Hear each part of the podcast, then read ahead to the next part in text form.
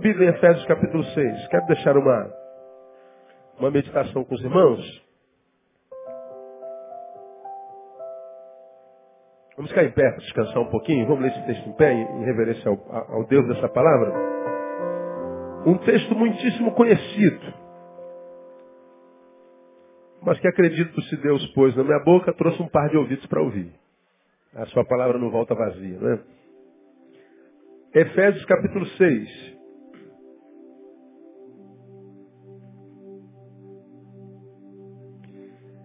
Onde Paulo fala sobre a armadura de Deus.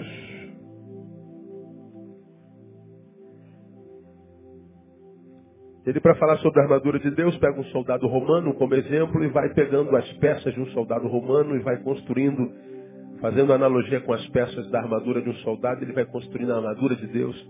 E a partir do versículo 10 ele diz assim, ó, finalmente, fortalecei-vos no Senhor e na força do seu poder. Revesti-vos de toda a armadura de Deus para poderes permanecer firmes contra as ciladas do diabo.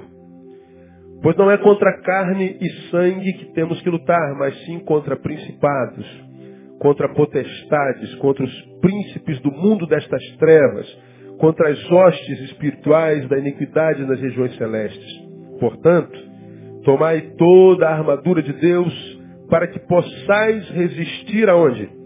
No dia mau e havendo feito tudo, leia, permanecer firmes. Continuemos. Estai, pois, firmes, tendo cingidos os vossos lombos com a verdade, e vestida a couraça da justiça, calçados os pés com a preparação do evangelho da paz, tomando sobretudo o escudo da fé, com o qual podereis apagar todos, diga todos, todos os dardos inflamados do maligno. Tomai também o capacete da salvação e a espada do Espírito, que é a palavra de Deus, e com toda oração e súplica orando em todo tempo no Espírito, e para o mesmo fim, vigiando com toda perseverança e súplica por todos os santos, e por mim, para que me seja dada a palavra no abrir da minha boca, para com intrepidez fazer conhecido o mistério do Evangelho.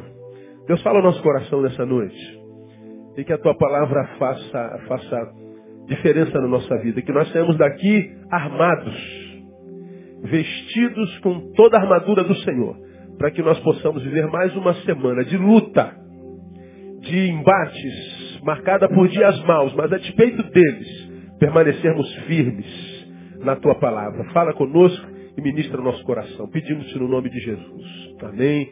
Glória a Deus. Pode sentar. Essa palavra é, ministrou muito ao meu coração nessa semana. Eles me entregaram o conteúdo dessa, dessa esquete, não sei se é esquete, enquete, não entendo ah, há bem pouco tempo atrás, pastor, é o que a gente vai apresentar domingo. Eu não quero ver o conteúdo, já, já trabalho com eles há tanto tempo, creio na capacidade deles. E falei, eu quero receber o mesmo impacto que a igreja recebe. Algumas peças que eles fazem mexem muito conosco, quando é peça mesmo. E eu não sabia o que, que eles iam apresentar. Tinha só a noção do que eles iam fazer. Mas essa palavra já estava no coração. E essa palavra me chamou a atenção pela primeira palavra com a qual Paulo começa o versículo 10. Não sei se na tua versão é a mesma palavra que na minha. Ele começa o versículo 10 assim, finalmente. É isso que está aí? Ou não? Como é que começa a sua versão? Lembra-me? No demais. É, mas a palavra lá no original é finalmente. Ou por fim. Por fim. Como quem é, ministrou um monte de preceitos ensinos e, por último, finalmente eu lhes digo, e ele fala sobre a armadura. Então, quando Paulo ele fala sobre a armadura de Deus e a razão dela, ele antes nos avisa, avisa aos seus missivistas, ao, aos da igreja de Éfeso, que a armadura de Deus vem por finalmente, vem por último. Vem como, como o, o bolo da cereja, é o término. É o final, é o epílogo. Quando ele diz finalmente, ele fala sobre algum problema, minha irmã introdutora. Não deu, né? Conseguiram se ajeitar aí? Amém. Então ele fala aqui por finalmente. Ora, se ele fala finalmente, certamente ele falou sobre algumas coisas anteriores, ele ministrou alguns outros preceitos. Ele termina com a armadura de Deus e diz, ó, vocês devem se revestir, por último, de toda a armadura de Deus. Imaginemos que alguém tenha perguntado, para quê, Paulo? Para que vocês possam ah, permanecer firmes contra as ciladas do diabo. Como quem diz, olha, vocês vão entrar num tempo, num momento histórico, onde vocês vão ver coisas acontecendo que vocês não vão acreditar que uma pessoa sozinha tenha feito aquilo. Vocês vão ver coisas tão diabólicas, tão malignas e horríveis, que vocês não vão acreditar que um ser humano seja capaz de fazer um negócio desse. Eu acho que nós vivemos esse tempo, vivemos não. Você abrir o jornal e ver que uma mãe jogou o seu bebê pela janela do carro em movimento. E o bebê foi atropelado pelos outros carros e morreu.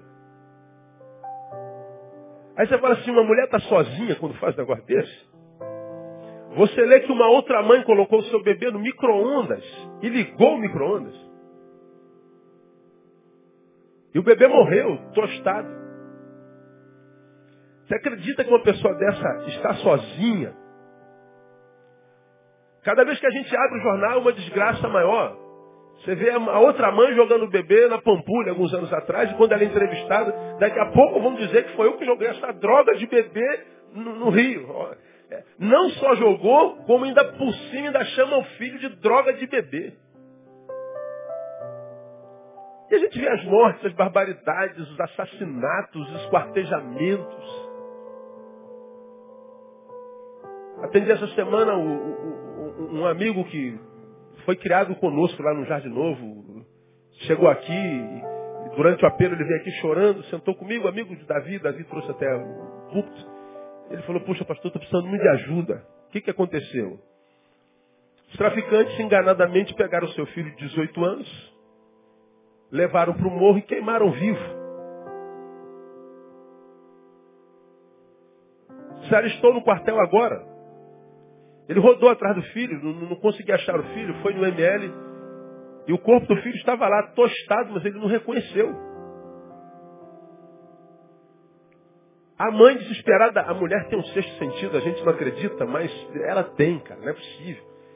Ela foi ao ML e ela viu vários corpos, muitos deles deformados, entre, ela, entre esses o filho dela. Queimado, não sobrou nada do corpo. Ela disse, isso aqui é meu filho. O profissional falou, professor, não tem como conhecer. O pai disse, mas a gente não tem como dizer que ele é meu filho. Mas como é que você sabe? Eu sei que é meu filho. Pode fazer aí o exame da arcada, ou seja lá do que for, é meu filho. Fizeram o exame. O que, que aconteceu? Era o filho dela. Agora põe-se no lugar dessa mãe, desse pai, imagina teu filho que você criou com tanto carinho, menino amado na rua, menino direito, pegaram enganadamente. A gente fica imaginando o grau de perversidade de um ser humano do que cada um de nós é capaz de fazer. Cada um de nós. Eu acho que Paulo falava sobre isso, para a gente suportar o que acontecerá no tempo do fim, no que o ser humano se transformará, produzindo males e coisas tão terríveis que a gente não vai acreditar que ele esteja só. Você pega o caso de, de, de Curitiba, o camarada mata a mulher e arranca-lhes os braços, as pernas, tira-lhe a cabeça e esquarteja todo, bota numa mala e o cara leva a mala para a rodoviária. E abrem uma mala, não tem 70 mil é, reais. Tem um corpo despedaçado, estilhaçado, um corpo arrebentado. E a gente pergunta, meu Deus, como é que pode um negócio desse uma pessoa dessa tá sozinha? Você liga a televisão e vê o pai e a mãe sendo filmados. E eles contratam um cidadão, um profissional. E o profissional vai até os pais, entra no carro e está com o microfone, tudo sendo filmado. E os pais estão contratando esse profissional. Que profissional é esse? É um matador, é um assassino. E o assassino pergunta, quem é que vocês querem que morra? Nosso filho de 17 anos. E o cara trama, o assassino ficou tão chocado que ele, quando já sabia que era isso, ele contactou as autoridades para que os pais fossem presos. Por que, que os pais contrataram o assassino para matar o filho? Porque o filho ia fazer 18 anos ia herdar o, o, o, dinheiro que um outro parente tinha deixado para ele e que os pais eram os tutores. Então eles iam perder a grana. Então os pais mandaram matar o filho. Aí a gente vai vendo essas coisas. Eu você poderíamos ficar aqui a noite toda citando. Cara, tem esperança? Ainda, ainda há esperança para a gente? Tem como acreditar que, que há esperança? Pois é, nós somos tentados a não acreditar mesmo. Mas a Bíblia fala sobre isso, ó, desde que a Bíblia é Bíblia. No versículo 12 ele diz, olha, não é contra a carne e sangue que a gente tem que lutar. Isso não é carne e sangue sozinho faz isso. Carne e sangue sozinho não, não, não produz um negócio desse. Tem que ter uma força externa que age no interno de cada homem e que faz com que ele se transforme nisso, no que ele está se transformando. As coisas são, são sinistras, são complicadas. E aí Paulo diz, então vocês têm que tomar toda a armadura de Deus para que vocês possam resistir no dia mal. Ele não está dizendo assim, ó, vocês têm que tomar a armadura de Deus para que vocês possam pular o dia mal ou é, não, não, não, não passar pelo dia mal. Vocês precisam tomar toda a armadura de Deus para que vocês sejam livres do dia mal. Não é isso. Paulo está dizendo, olha, o dia mal chegou. O dia mal chega na semana de qualquer um, na agenda, no calendário de qualquer um. Dias maus fazem parte dos dias que a gente vive. E se você quer, no dia mal, a despeito dele permanecer firme, você tem que se revestir de toda a armadura de Deus. Paulo está dizendo, não tem como fugir a essa dor. Há dores das quais nós não temos como delas nos esquivar. Dores fazem parte da existência humana. Estar vivo será viver dor no tempo do fim. Os últimos tempos, diria Timóteo, descrevendo a Timóteo, os dias são maus.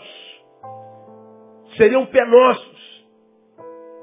Mas ao mesmo tempo que ele revela a qualidade do, do dia, mal, ele está dizendo, você tem como passar por isso, a despeito das lutas de pé, de cabeça erguida e chegar no final do dia e olhar para trás e dizer, caramba, o bagulho foi doido, mas eu cheguei até o final de mais um dia no nome de Jesus.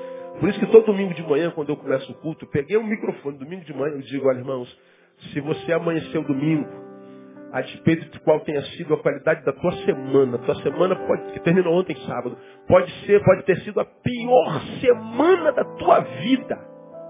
Mas se você acordou domingo, você é um campeão, você venceu mais uma semana, amém ou não? Você suportou.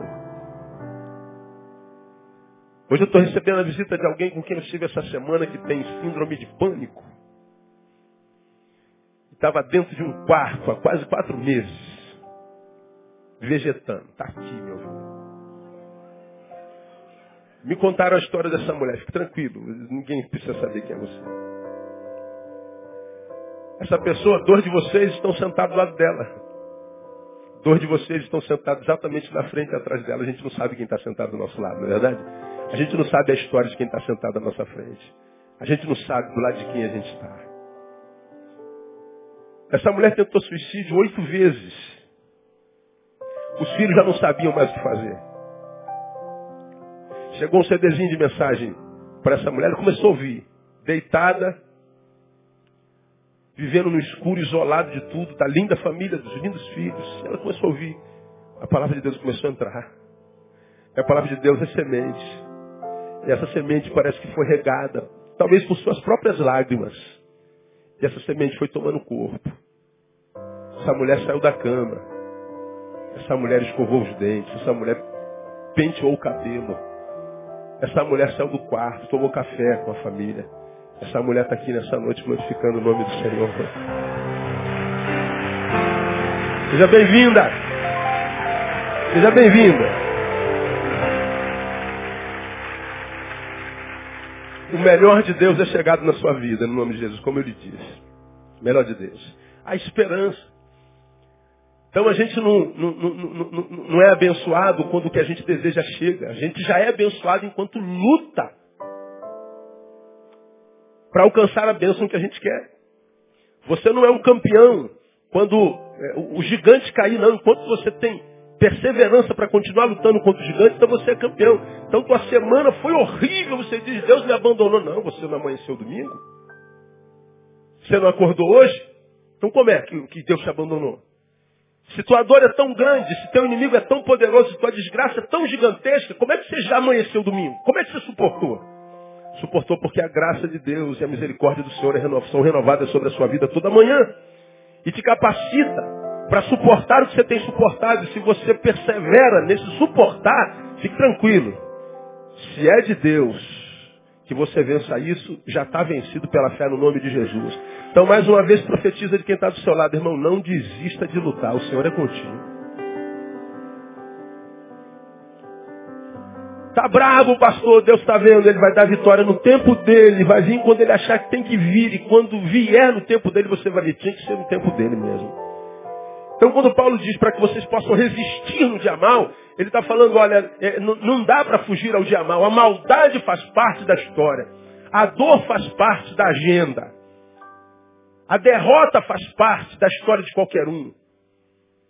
Está dizendo que não nos livra do dia mal, mas está dizendo você pode suportar no dia mal. Está falando sobre isso numa outra circunstância. Daniel foi fiel e acabou caindo aonde? Na cova. Deus não o livrou da cova, mas o livrou na cova. Sadraque, Mesaque e Abidinego, por causa da sua fidelidade e perseverança, não foram livres da fornalha, mas foram livres na fornalha. Deus não é inerte a ação de um servo que permanece sendo quem é a despeito da dor. O problema é que a dor nos deforma. A dor rouba de nós quem nós somos. E quando nós somos roubados de nós, uma outra personalidade assume nosso lugar e nós passamos a ser uma coisa que nós não somos.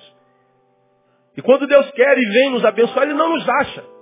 Porque a, a dor, a adversidade, o dia mal nos deformou. E Deus não trabalha com imagens, falei sobre isso de manhã. Deus só trabalha com o que eu sou no íntimo. Então quando a gente permanece no dia mal, ele está dizendo, mesmo no dia mal você vai resistir, vai fazer tudo e vai permanecer firme. Vina fez uma citação de manhã que me, me, me, me, soou bastante interessante. Ele, ela citou um texto que diz, aquele que sai andando e chorando a semear a santa semente, voltará com cântico de júbilo, trazendo consigo seus molhos, seus feixes. Aquele que sai andando e chorando a semear a santa semente, saiu chorando, voltará com júbilo, trazendo consigo seus molhos. E ela disse uma coisa interessante, interessante. Sabe o que esse texto está dizendo? Deus está dizendo que com choro, sem choro, a gente tem que sair para trabalhar. O texto não está dizendo aquele que começa a chorar, tem que parar de andar e, e descansar e esperar parar o choro para voltar a semear. Não, aquele que sai andando, chorando a semear. Está chorando, continua semeando.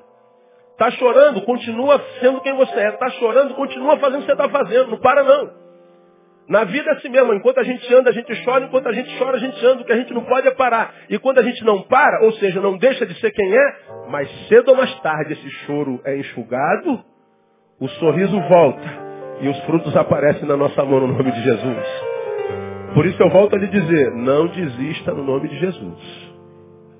Vai acontecer, irmão, no nome de Jesus tem que tomar toda a armadura de Deus. Agora, voltemos ao finalmente. O texto está dizendo finalmente. Paulo está dizendo que a armadura vem por último. Eu conheço muitos crentes que imaginam que estão buscando essa armadura. Essa armadura é, é com a qual nós temos que nos revestir. E ele fala que é, seus lombos, os cintos, já estão cingidos pela verdade já vestiram a coraça da justiça, verdade e justiça, já prepararam, prepararam, prepararam os seus pés com o evangelho da paz, já tomaram o escudo da fé, já também vestiram ou calçaram, ou sei lá, puseram o, cacete, o, o, o capacete da salvação, pegaram a espada do Espírito, que é a palavra de Deus, estão orando em todo o tempo no Espírito Santo, vigiando com perseverança e súplica, mas ainda assim estão em derrota. Gente que investe pesado na vida espiritual. Gente que está enfiado na igreja o dia inteiro. Gente que sai do monte para o jejum da manhã. Sai do jejum para a campanha da libertação à tarde. Volta para a vigília no final da noite. Do final da vigília vai para o monte e volta para outro. Gente que está espiritualizando. Investindo na vida espiritual. Vestindo-se da armadura de Deus. A despeito dessa espiritualidade toda tem vivido em derrota não têm conseguido suportar o dia mal, têm pirado e não sabem por quê. E esse texto nos dá algumas dicas, porque que muitas vezes a armadura em si não nos guarda ou nos capacita para o dia mal. Porque se Paulo diz assim, olha, finalmente tomai a armadura, é porque antes dela nós temos que praticar algumas coisas. E essas coisas estão aí, ó, versículo 22, por exemplo. Se a armadura é finalmente, o versículo 22 fala dos primeiramente. Ele diz assim, vós mulheres, façam o que, mulheres? Leiam para mim. 5,22. Vós mulheres, leiam para mim. Não ouvi. Vós mulheres, sujeitai-vos aos vossos maridos como ao Senhor. Isso é o primeiro. Mas no versículo 25 tem outro. Vós, maridos, leiam para mim. Como também Cristo amou a sua igreja. E assim mesmo se entregou para ela. Mulheres, façam o quê? Sujeitados. Maridos, amai. Mas não termina aí não. Nós vamos lá no 6.1. Vós filhos, leiam para mim. Porque isso é justo. Mulheres façam o quê? Sujeitai-vos. Maridos, amai filhos, obedecei. Mas não terminou aí não. Veja o versículo 4. Vós pais, leiam para mim. Mas criais na disciplina e administração do Senhor. Pais, façam o quê? Não provoqueis aí. Recapitulando, mulheres, sujeitai-vos. Maridos, filhos, paz. Mas não termina aí. Versículo 5. Vós servos, leiam para mim. Segundo a carne, com temor, tremor, na sinceridade de vosso coração, como a Cristo. Servos, façam o que mesmo? Obedecei a vossos senhores. Mas não termina aí, nós vamos lá no versículo 9. E vós, senhores, leia para mim. Fazei o mesmo para continuar deixando as ameaças, sabendo que o Senhor é tanto deles como vosso, estar no céu e que para com ele não há sedição de pessoas. Mulheres, sujeitai-vos. Maridos, amai. Filhos, pais. Servos, obedecer a vós, Senhor. Senhores, fazei o mesmo. E finalmente, tomai toda a armadura de Deus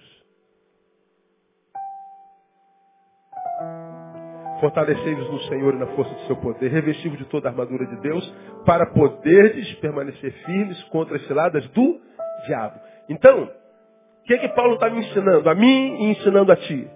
Neil, você quer sobreviver esse dia mal que a gente está vivendo? Você quer nesse tempo de enlouquecimento coletivo permanecer saudável? Neil, você quer a graça rara de viver até a vida acabar? Você quer passar ileso por essa geração de gente que está morrendo antes da morte chegar? Nem você quer continuar vivendo uma vida que vale a pena ser vivido, vivida.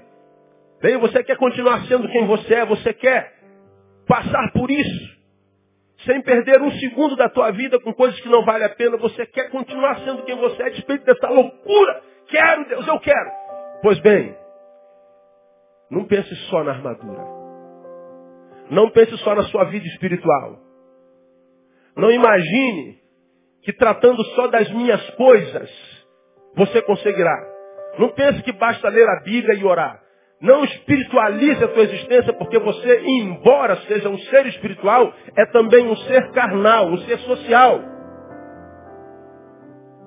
Portanto, essa palavra é mais para nós que vivemos no Espírito que para aqueles que nem acham que nem Espírito tem. Se a palavra é mais para aqueles como nós, que imaginamos que através de cultos da palavra e da oração nós estamos pertinhos do Senhor. Imaginemos que essa, essa caixa aqui seja o Senhor e a gente está pertinho do Senhor. E imaginando que pertinho do Senhor nós passamos ilesos pela desgraça desse tempo. E não é o que tem acontecido. Trabalho com gente, gente, todo dia. Eu trabalho com multidão todo dia. Eu estou vendo o quanto o diabo tem peneirado, cirandado, acabado com muita gente. Quanta gente de Deus que já estiveram nesse altar, foram ministros sobre a nossa vida, estão enlouquecendo, estão pirando, as emoções estão fora do lugar, estão vivendo à base de barbitúrico, as famílias estão acabadas, a gente se suicidando o tempo inteiro. A despeito de estar aqui pertinho do Senhor, eu meu Deus, o que está acontecendo? E aí a desesperança está entrando, inclusive na esfera espiritual. Como quem diz, não vale a pena servir ao Senhor. Não vale a pena ser fiel ao Senhor, não vale a pena continuar exaltando o nome do Senhor. Isso é tudo furado, isso é tudo balela, isso não existe. Isso não tem sentido, não tem razão. Esse negócio de Deus e vida espiritual, isso é bobagem. Ser fiel, ser honesto não adianta nada. A gente está perdendo tempo. Bom, é o que dizia o salmista Asaf no capítulo 73, quando ele disse assim, ó, na verdade, que em vão tenho purificado meu coração e lavado as minhas mãos na inocência, pois todo dia tenho sido afligido e castigado cada manhã. Na verdade que em vão tenho purificado meu coração, em vão tenho lavado as minhas mãos na inocência, pois tenho sido afligido todo dia, castigado toda manhã. Asaf está dizendo, não vale a pena ser fiel. Na minha cabeça já passou isso, na sua cabeça também. Agora Paulo está dizendo, vale a pena ser fiel, é porque a gente tem uma visão equivocada da espiritualidade. Paulo está dizendo sobre todas as coisas, antes do Senhor nos abençoar com a sua couraça, antes dele nos blindar, usar um termo de uma outra religião, antes de ele fechar o nosso corpo, dele blindar o nosso espírito, ele está dizendo, você tem que trabalhar esse corpo. Antes dele trabalhar na sua alma, você tem que trabalhar no seu caráter. Sabe por que há muita gente se revestindo da couraça, mas ainda assim andando em derrota? Porque se reveste da couraça, mas acredita que não precisa ser uma esposa que se sujeita. Ele se reveste da couraça, mas acredita que não precisa ser um marido que ama a esposa. Ele se reveste da couraça, mas acredita que não precisa ser um pai que não provoque a ira, ou um filho que obedeça a seus pais. Ele acha que a couraça e o empresariado que ele desenvolve, o empresário que ele é, não tem nada a ver, tem. O texto está dizendo que a couraça de Deus tem a ver com o tipo de empresário que eu sou. Se eu sou um empresário injusto, a couraça não serve de nada. Se eu sou um, um servo ladrão, que talvez não subtraia nada material do patrão, mas subtrai o tempo pelo qual ele paga. É o empregado vagabundo. Que dorme num tempo que você vendeu para o seu patrão. Que não cuida dos bens que o seu patrão confiou a você. Você acha que isso é bobagem para Deus ou para o diabo. A gente acha que ser uma esposa que peita o tempo inteiro, que desobedece, que ofende, que humilha. Estava numa repartição, alguns poucos dias atrás, sentado esperando para falar com alguém que eu tinha marcado. No mesmo lugar tinham algumas pessoas esperando e começa um casal a brigar na nossa frente. Sabe aqueles casais que brigam, envolve todo mundo na briga? Conhece alguém assim? Que briga e faz barraco. Que todo mundo sabe, vizinhança toda sabe, igreja sabe, ah, quem estiver no, no, no, lugar vai saber, eles não conseguem brigar com ética, com decência. Falar com, com, com fineza. Dizer desgraçado, em casa eu te mato, imbecil. Você é um jumento maldito. Que o diabo te carregue. Mas faça isso com, com, com, é, de forma gospel, né? De forma Não. Tem os barraqueiros, seu vagabundo, sua vaca e tal. E os dois começam a gritar. E a mulher tem a voz mais aguda ali dentro do, do, do escritório. E ela fala, teu problema é que você é um frouxo. Você não é homem. Você não honra os seus.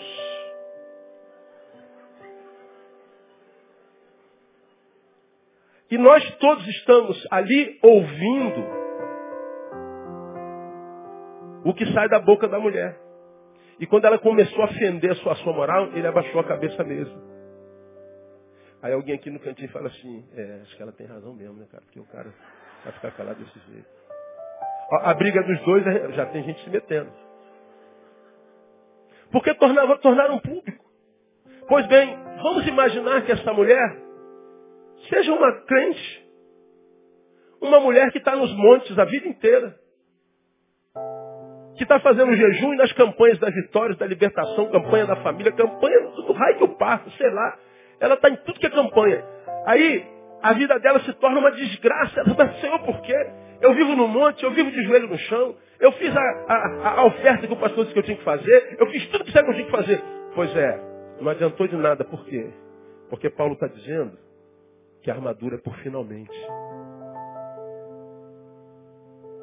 Ele está falando que a armadura de Deus só cabe numa mulher que se sujeita ao marido. Ele está dizendo que a armadura só cabe no marido que ama sua mulher. E não há parceria mais saborosa, mais vitoriosa do que uma mulher que se sujeita a um homem que ama. Porque a sujeição não é subserviência. A sujeição é reconhecimento de autoridade. Agora a gente reconhece a autoridade enquanto família e casal daquele que ama. A autoridade do marido não está na figura masculina ou de esposo, está no amor dele. Quando Deus diz submeta-se ao marido, porque diz ao marido ama, ele está dizendo, mulher, submeta-se ao marido que te ama. Agora, muitos maridos que não amam, e diz, olha mulher, a palavra diz que você tem que sujeitar-se a mim. Se a mulher fosse saiba, é verdade, eu me submeto com carinho a um homem que ama a sua esposa. Porque tudo que uma esposa deseja na vida, irmão, não é o que o marido carrega no bolso. Tudo que uma esposa que ama o marido requer do marido é o amor dele. Porque se ela tiver o amor dele, ela vai com ele para Nova York ou vai com ele para Nova Iguaçu. E vai com alegria. Se a mulher tiver com o marido que ama, ela vai jantar com ele no Carmine, lá na Broadway.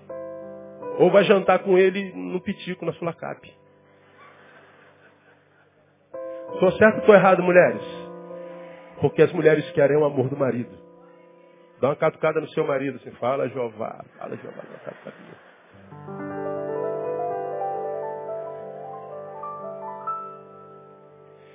Quando essa parceria é perfeita, amor e sujeição, porque é fácil se sujeitar a quem ama.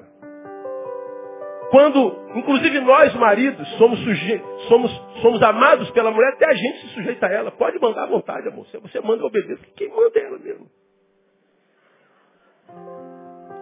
E a gente se submete com alegria. De vez em quando a gente encontra os machistas. Quem manda na minha casa sou eu. Não manda nada, tu é um trouxa. Você pensa que manda. Agora, quando há amor, não há disputa de poder. Quem é que manda, quem é que obedece? Não interessa.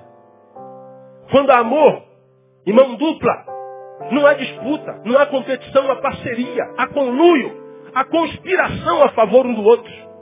Porque quando há amor, nós saímos de nós para viver a vida do outro e o outro sai dele para viver a nossa vida. De modo que quando há amor, a minha vida só encontra sentido quando eu dou alegria ao ser amado.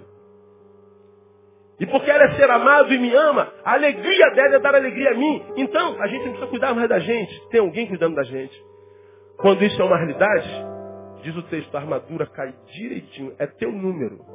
Você pode pegar lá que é teu número.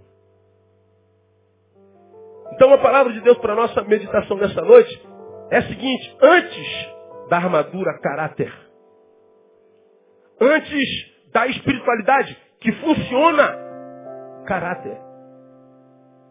Aí talvez você diga assim, pastor, o senhor está dizendo a palavra de Deus, porque a Bíblia diz, mas buscai, o senhor está falando de caráter, de, de, de, humanidade, mas a Bíblia diz primeiro, buscai primeiro o quê? O reino de Deus. Pois é. Mas vamos acabar o versículo. Buscai primeiro o reino de Deus e a just, sua justiça. Aqui é a justiça do reino. A justiça do reino de Deus, o reino de Deus está dentro de vós, é exatamente isso aqui. O reino de Deus não é um lugar para onde não é o céu, para onde a gente vai. Não é um céu para o qual a, a gente vai. É o céu que veio até nós. Porque o céu é um lugar e o céu é um estado. No reino, a justiça. E a justiça do reino é promulgada por Paulo nesse lugar. Caráter. Mata o velho homem egoísta. O homem que vivia para si, o eu para si, e faz com que nasça o eu para o outro. É o reino da solidariedade. Um reino que sim, quer viver uma espiritualidade que nos faça viver coisas fenomenológicas, transcendentais, supra-humanas, metafísicas, maravilhosas, celestiais, sim, mas que façam que a gente viva tudo isso sem tirar o pé do chão. Porque quem tira o pé de chão nessa espiritualidade ganha a rasteira do diabo. Agora, quando a gente finca no chão e une céu e terra, então a armadura cai certinho, irmão. Nós, portanto, não precisamos mais ficar desesperados pelo que acontece ao nosso lado. Eu não preciso andar surtado. Meu Deus, você viu, uma mãe jogou a criança pela janela. Eu vi. E aí, faço o quê? A criança já morreu. Faço o quê? Eu tenho que criar anticorpos, anticorpos para sobreviver a isso. Pastor, o senhor viu o que, que fizeram? Prenderam o trabalhador em vez do ladrão? Eu vi. O senhor viu o que, que aconteceu? O camarada, a mamãe mandou matar o filho. Sim, eu estou vendo o que está vendo. Eu sou testemunha. Todos nós estamos vendo o que está acontecendo. Por isso Paulo está dizendo, o dia mal chegou. Então revistam-se da armadura. Agora, antes ele está dizendo, cuida do teu caráter. Seja um ser humano, humano, porque a promessa da armadura são para humanos. Caráter. Quando isso é uma realidade, a armadura cai direitinho. E quando ela cai direitinho, ela então amplia nosso leque de visão, nós deixamos de ser alguém materialista, um pedaço de carne andante, e a gente consegue ver muito além daquilo que os nossos olhos biológicos veem. E a gente acaba aprendendo com o reino de Deus. A gente acaba aprendendo com, com a palavra de Deus. E a gente aprende coisas saborosas, coisas tremendas que estão implícitas nesse texto que eu quero compartilhar com os irmãos, como por exemplo, primeiro, para a gente vencer no dia mal, permanecer firme no dia mal, antes da gente aprender que antes da armadura vem um caráter, nós temos que é, estar disposto para a guerra. Nós temos que abraçar a realidade de que a armadura só é armadura para quem é soldado. Que essa couraça do qual ele fala é uma couraça que ele tomou como exemplo de um soldado romano. Ele está dizendo, olha, só veste armadura, elmo, só veste, só, só, só calça o buche, o bute, só carrega espada, só carrega escudo, que é soldado. Então, Paulo está dizendo assim, você quer permanecer firme de mal? Então para de ficar chorando de mal, de ficar lembrando a Deus que o dia é mal, de ficar chorando que o mal chegou, e trata de se transformar num guerreiro que aprenda a caminhar no dia mal. Aprenda a lutar. Porque nós vivemos uma guerra, a gente tem que matar um urso e um leão todo dia. Então não adianta eu sentar e ficar chorando, meu Deus, olha o que, que aconteceu. Deus está vendo, mas a gente tem que fazer a nossa parte. Eu não posso me entregar sem luta, se vai morrer, morra lutando. Fiz citação aqui alguns anos atrás, se tiver algum aluno aqui da academia da igreja, me lembre. O Erma, que é o diretor da nossa academia de judô e jiu-jitsu, ele, ele no e-mail tem uma assinatura lá. Antes a lágrima, antes, antes a, Antes a lágrima da derrota do que a vergonha de não ter lutado. Primeira vez que eu vi essa frase no, no, no, no e-mail do Erma me abençoou muito. Antes a lágrima da derrota do que a vergonha de não ter lutado. O que, que o texto está dizendo? O que, que essa frase está dizendo? Olha, eu entrei no tatame. Eu entrei no octógono. Eu fui encarar o meu inimigo, eu caí dentro dele. Ele era grandão, mas eu caí dentro dele. Eu sou peso pena e ele é peso pesada, mas eu entrei no octógono. Ganhei uma no olho de Ismael no primeiro. Estou chorando até agora. Ele está dizendo, eu prefiro esse choro do que a vergonha de ter sido um covarde, de não ter entrado naquele octógono para lutar. Eu prefiro entrar no meu dia e encarar o que o dia tem preparado para mim. E a Bíblia diz que alguns desses dias serão maus do que ficar como um espectador olhando o dia passar, chorando, sem coragem de viver esse dia. Chorando covardemente, lembrando a Deus e a quem quer que seja de que aquele dia está doendo, culpando a quem quer que seja pela dor do meu dia. Eu prefiro lutar e tentar mudar esse dia para que ele seja, ainda que, se não nas 24 horas, algumas horas, alguma coisa que vale a pena, do que me entregar vergonhosamente sem lutar. Esse texto está dizendo, irmão, que a gente tem que ser disposto para a guerra. A gente tem que ser soldado. Não se permitir vitimizar-se pela perplexidade do dia, porque o texto está dizendo, dias maus virão. Eu lembro disso, eu não tenho como deixar de, de me lembrar do Salmo 144, versículo 1, onde o salmista diz assim, ó, é, bendito seja Deus que adestra as minhas mãos para a guerra e os meus dedos para a peleja. Ele adestra minha mão para a guerra e os meus dedos para a peleja. Durante o tempo eu perguntei, poxa, já que ele adestra minha mão para a guerra, por que, que não acaba com a guerra? Porque tem algumas guerras que não tem como acabar. Nós temos que entrar nela para lutar. E as piores guerras, irmãos, são travadas contra nós mesmos. Existe um soldado covarde dentro de nós que diz assim, ó, você não vai conseguir, Neil é maior do que você, Neil. Olha como você é uma vítima inocente, Neil. Olha como você é coitadinho, Neil. Olha que injustiça estão fazendo contigo, Neil. Olha, coitadinho de você, Neil. E aí há um Neil dentro de mim que fala assim, é verdade, eu sou coitadinho, eu sou um pobrezinho, que injustiça, eu não merecia isso, eu, isso não é justo comigo. E de repente você tem razão, não é justo, você não merecia isso, foi uma trairagem, foi uma, uma, uma, uma, uma sujeira que fizeram com você. É verdade, você tem razão, mas ter razão mudou a história? Não que muda a história é vestir a couraça e cair dentro do dia, meu irmão. É se levantar como essa irmã que está aqui. Esteve meses dentro de um quarto, desistiu, se acovardou, mas ela ouviu uma palavra que sacudiu a ela, que a sacudiu, e ela falou, chega, eu vou levantar e vou começar tudo de novo. E para quem se levanta querendo começar de novo, tem Deus por parceiro. Você pode dar o primeiro passo, que Ele vai contigo na força, no nome de Jesus. Ele está dizendo desde Josué, esforça-te, e eu te ajudarei. O Senhor está dizendo para você, irmão, tenta mais uma vez. Diga para quem está do seu lado, irmão, tenta de novo.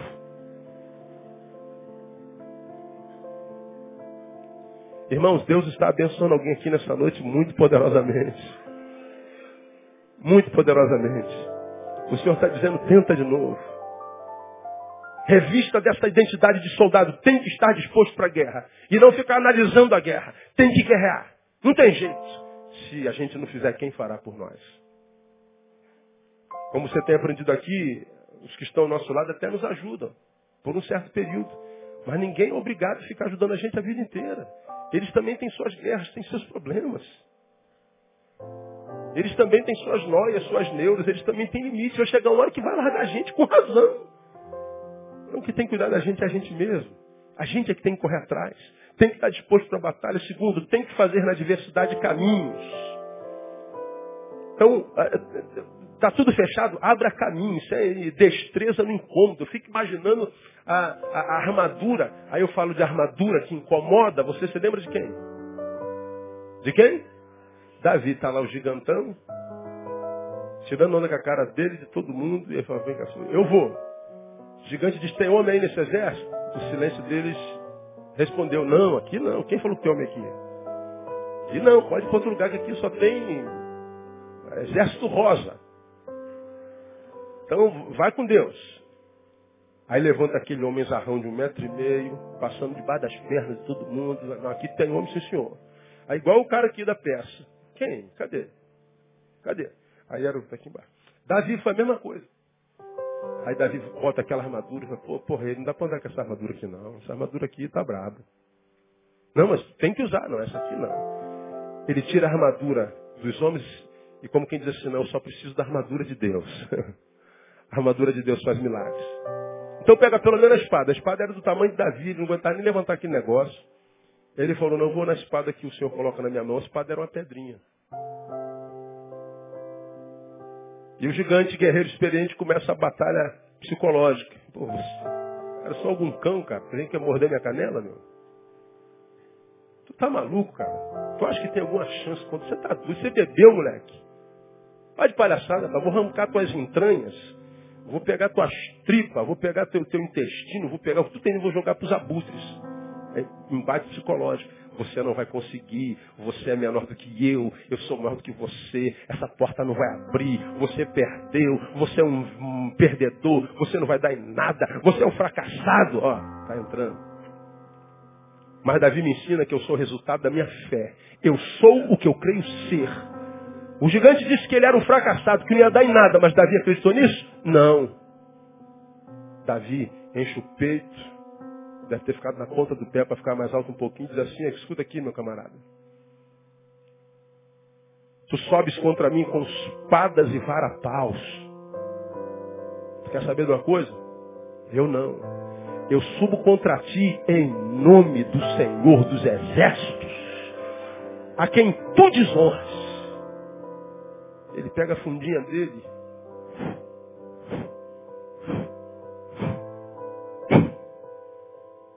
Pegou no centro da testa do gigante. Acabou aí a guerra? Não, ele pegou a espada do gigante, arrancou a cabeça do gigante. Ensinando que eu já preguei aqui, que gigante caído não é gigante vencido. Gigante morto é gigante vencido. Nós temos guerreados com muitos gigantes nas nossas vidas. Às vezes nós os vencemos uma vez, ficamos limpos deles dois meses, três meses. Às vezes ficamos limpos desses gigantes um ano.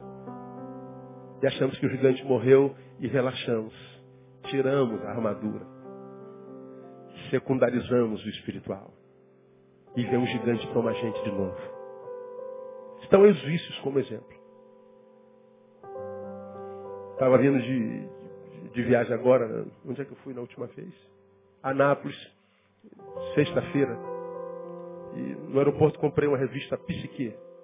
Tem a filosofia e tem psique. Uma revista de publicação da área de psicanálise e psicologia maravilhosa. Não se acha em qualquer banca, lamentavelmente. Estava falando sobre uma doença muito moderna, que é a compulsão por dinheiro. Bom, o desejo de ter, ganhar dinheiro, dinheiro, dinheiro, dinheiro, é uma ambição do coração do homem o tempo inteiro. Mas hoje ela é vista como patologia. Tem pessoas que estão tão viciadas em ter que adoecem a mesma área do cérebro de, por exemplo, um viciado em álcool. A mesma dependência que o sujeito tem do álcool algumas pessoas que têm pela ambição em ter. Anulam todas as áreas da vida para ter um pouco mais. E muitos desses não precisam de mais nada. Fiquei pensando na realidade da igreja evangélica. Como tem gente que começou bem pregando a palavra e hoje só pensa em dinheiro, dinheiro, dinheiro, dinheiro, dinheiro, dinheiro, dinheiro. Ter, ter, ter. A bênção de Deus não é mais ser, agora é ter. A gente sabe quem é abençoado ou não pelo carro que tem, pela casa onde mora, pela qualidade de roupa que veste. A gente chega em algumas igrejas, as pessoas abrem o lado esquerdo do paletó para saber qual é a marca que está aqui. Porque é essa marca que está aqui que vai dizer se você é abençoado ou não. Isso é uma doença. É a secundarização do espiritual. E o pessoal que está secundarizando o espiritual não consegue criar na diversidade caminhos. São derrotados pelas adversidades. Não conseguem caminhar fora do plano do aplainado. Agora Paulo está dizendo que nós precisamos tomar armadura e a armadura muitas vezes traz incômodos, requer esforço, requer um pouco mais de esforço, quem sabe um pouquinho mais de esforço, requer perseverança. E quando a gente se esforça e faz perseverança, com perseverança Deus abençoa e dá vitória. É, alguns anos atrás você tem uma frase de Warren Wisby, que escreveu um livro maravilhoso, Cristão na Sociedade Não Cristã. Ele diz assim, a obra de Deus começa difícil, se torna impossível, então é realizada. Que coisa interessante, não é verdade? A obra de Deus começa difícil, se torna impossível, aí então ela é realizada. Sabe por que, que ele está dizendo isso? Porque a obra de Deus na nossa vida é obra de Deus. E se a obra de Deus não precisa ser possível, pode ser impossível, ela vai acontecer. Você está diante do impossível na sua vida, meu irmão? Você acha que está diante de uma porta que não pode mais abrir? Você tá, acha que está diante de uma possibilidade da qual você não pode, não, pode superar? Pois é, então você está pronto para o milagre. O Deus que a gente está ministrando aqui é um Deus de milagre, irmão. O Senhor está dizendo para algum de vocês, não desista. Termino. Precisamos estar dispostos para a guerra. Temos que fazer na diversidade caminhos. Precisamos discernir os inimigos e as fontes do mal. Pois não é contra a carne e sangue que temos que lutar. mas sim contra os principados, potestades, contra os príncipes do mundo. Você sabe que eu não sou o camarada que espiritualiza tudo. Pelo contrário, diz que eu sou muito frio. Porque eu não acredito que o diabo seja culpado por tudo. Ah, portanto, nós precisamos discernir os inimigos. Eu prego um sermão por esse país afora que eu já preguei aqui, que vem de João capítulo 20, que diz que no primeiro dia da semana, estando os discípulos reunidos com as portas fechadas por medo dos judeus, chegou Jesus, pôs-se no meio deles e disse, Pai, seja convosco. Primeiro dia da semana era o domingo da ressurreição. Domingo da ressurreição é dia de alegria ou de tristeza? De pouca alegria ou de muita alegria? Sabe por que muita? Porque o dia da ressurreição foi o dia da morte da morte, foi o dia em que a morte morreu. Jesus venceu a morte naquele domingo. Naquele domingo, Jesus dividiu a história, depois dali, é, antes de Cristo, depois de Cristo. Naquele dia, o diabo percebeu que tudo que a Bíblia fala sobre o futuro dele era realidade. Como disse uma ministração de André Valadão muitos anos atrás, se o diabo tentar jogar na tua cara o teu passado, joga tu na cara dele o futuro dele. Porque o futuro do diabo é muito pior do que o teu passado. Primeiro dia da semana era dia da gente botar o bloco na rua, da gente celebrar com celebração descontrolada. Mas diz o texto que estavam os discípulos reunidos com a porta fechada por medo dos judeus. E eu falei naquele sermão que os discípulos estavam vivendo uma vida medíocre, amarrada, trancafiada, marcada pela impossibilidade, marcada pela, pela ausência da alegria, marcada pela ausência da vitória, marcada por tudo que é de ruim. E o diabo não tinha nada a ver com aquilo. Haviam forças que paralisaram os discípulos e o diabo não tinha nada a ver com aquilo. A primeira força era medo. Você se lembra disso? O que é medo mesmo, hein? Fé na derrota. Os discípulos estavam trancados, amarrados, mediocrizados, e o diabo não tinha nada a ver com isso. O inimigo deles era o medo. O inimigo deles era a alienação. A morte está morrendo, Jesus está ressuscitando, a redenção está sendo implícita, a história da humanidade está sendo dividida. Nós estamos ganhando moral para zombar da morte como Paulo. Onde está a morte, a tua vitória? E os discípulos estão alienados disso tudo, vivendo dentro do seu gueto covardemente. Então o inimigo dos apóstolos não era o diabo, era a alienação. O inimigo do, dos apóstolos não era o diabo, era a descentralização. Era uma reunião apostólica, era, mas Jesus não estava nela. Tanto é que quando Jesus chega, pôs-se no centro. Chegou Jesus, pôs-se no meio deles e disse, Pai seja convosco. Jesus entrou na reunião, foi direto para o centro. Uma vida onde Jesus não é o centro, é uma vida onde Jesus não está. Porque ele não aceita nada que seja menos do que tudo. Você já aprendeu isso aqui. Quando a gente tira Jesus do centro, a gente tirou tudo do lugar. E muitas vezes nós estamos nas campanhas lutando contra o diabo, lutando contra o demônio, lutando contra as hostes espirituais tão somente. É verdade. E elas estão trabalhando, o texto é claro em dizer isso aqui. Mas não é só eles. Há forças em nós que nos tomando paralisam a nossa vida. Medo, descentralização, alienação, covardia, sei lá. Nós precisamos discernir quem são os nossos inimigos. Qual é o inimigo que está te paralisando, irmão? Será que é o diabo mesmo? Não é covardia mesmo, não. Não é a ignorância que te faz fazer leituras sobre as tuas guerras de formas equivocadas.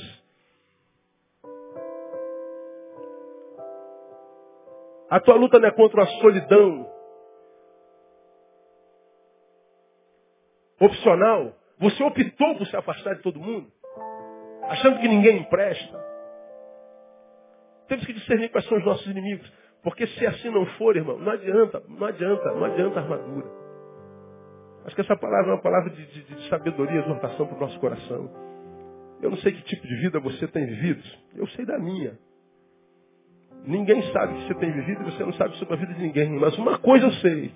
Que quando Deus trouxe você ao mundo, Ele disse que trouxe você já com sonhos para você. Ele disse, eis que eu sei os sonhos que eu tenho para vós. Eis que eu sei os planos que eu tenho para vós.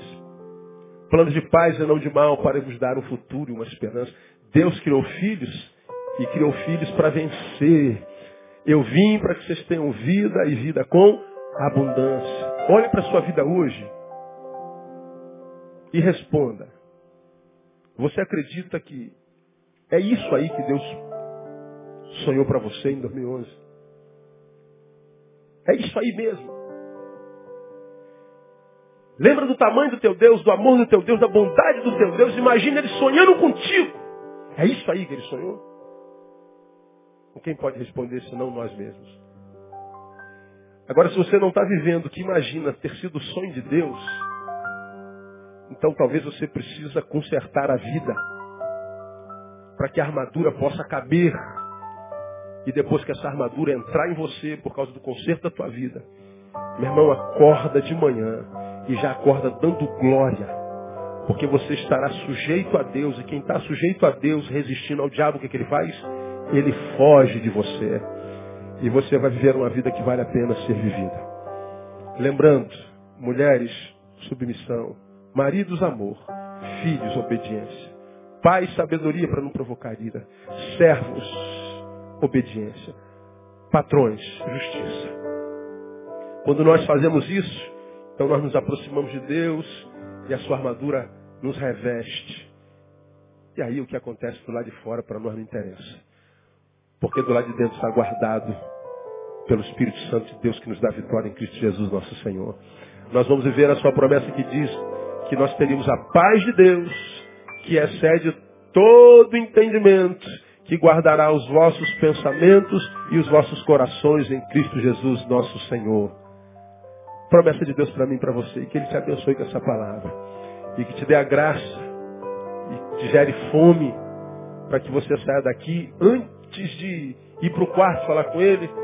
Você vá para o lado da sua esposa e dizer, perdoe, amor. Eu não tenho te amado como eu tenho. Devo te amar. Quem sabe ela não diga para você, amor, me perdoa, eu não tenho me submetido. Porque a submissão da esposa alimenta o amor do marido e o amor do marido alimenta a submissão. Talvez você seja um, um empregado que vai sair daqui e amanhã vai ser um empregado diferente. Não precisa nem pedir par, perdão, patrão. Patrão, desculpa, eu tenho levado todo dia um quilo de açúcar aqui da padaria. E já deve ter uma tonelada que eu já levei. Aí tu não tem como pagar. Propõe no teu coração não roubar mais açúcar. Que açúcar dá colesterol, ácido açúcar no sangue. Se você é patrão, sabe que poderia pagar um melhor, um pouquinho melhor para o seu empregado. Diga assim, eu reconheço o teu trabalho, eu quero abençoar você um pouquinho mais. Quem é empregado aí, diz amém para isso aí. Olha, imagina, Deus visita teu patrão hoje à noite. Quero trazer à memória um empregado seu. Aí ele sonha contigo, ó. Oh, vou profetizar, vai acontecer essa semana, hein? Para a glória de Deus, hein? Para a glória de Deus. Aí tu vai lembrar de mim, vai me pagar um almoço miserável, pelo menos, né? E, caralho, o pastor Neu falou que o cara me dá aumento e, e tal, e deu. É, é isso. Aí a gente imagina que o que a gente faz na terra não reverbera no céu. Tudo que a gente faz na terra reverbera no céu. E tudo que acontece no céu reverbera na terra. Vamos fazer a nossa parte, a armadura vai caber. E quando a armadura couber, fica tranquilo. A tua vida vai ser vida até o fim da vida. Você não vai morrer antes da morte chegar. E você vai chegar ao final dizendo, valeu a pena ter sido fiel ao Senhor no nome de Jesus. Quem recebe essa palavra, aplauda ele bem forte.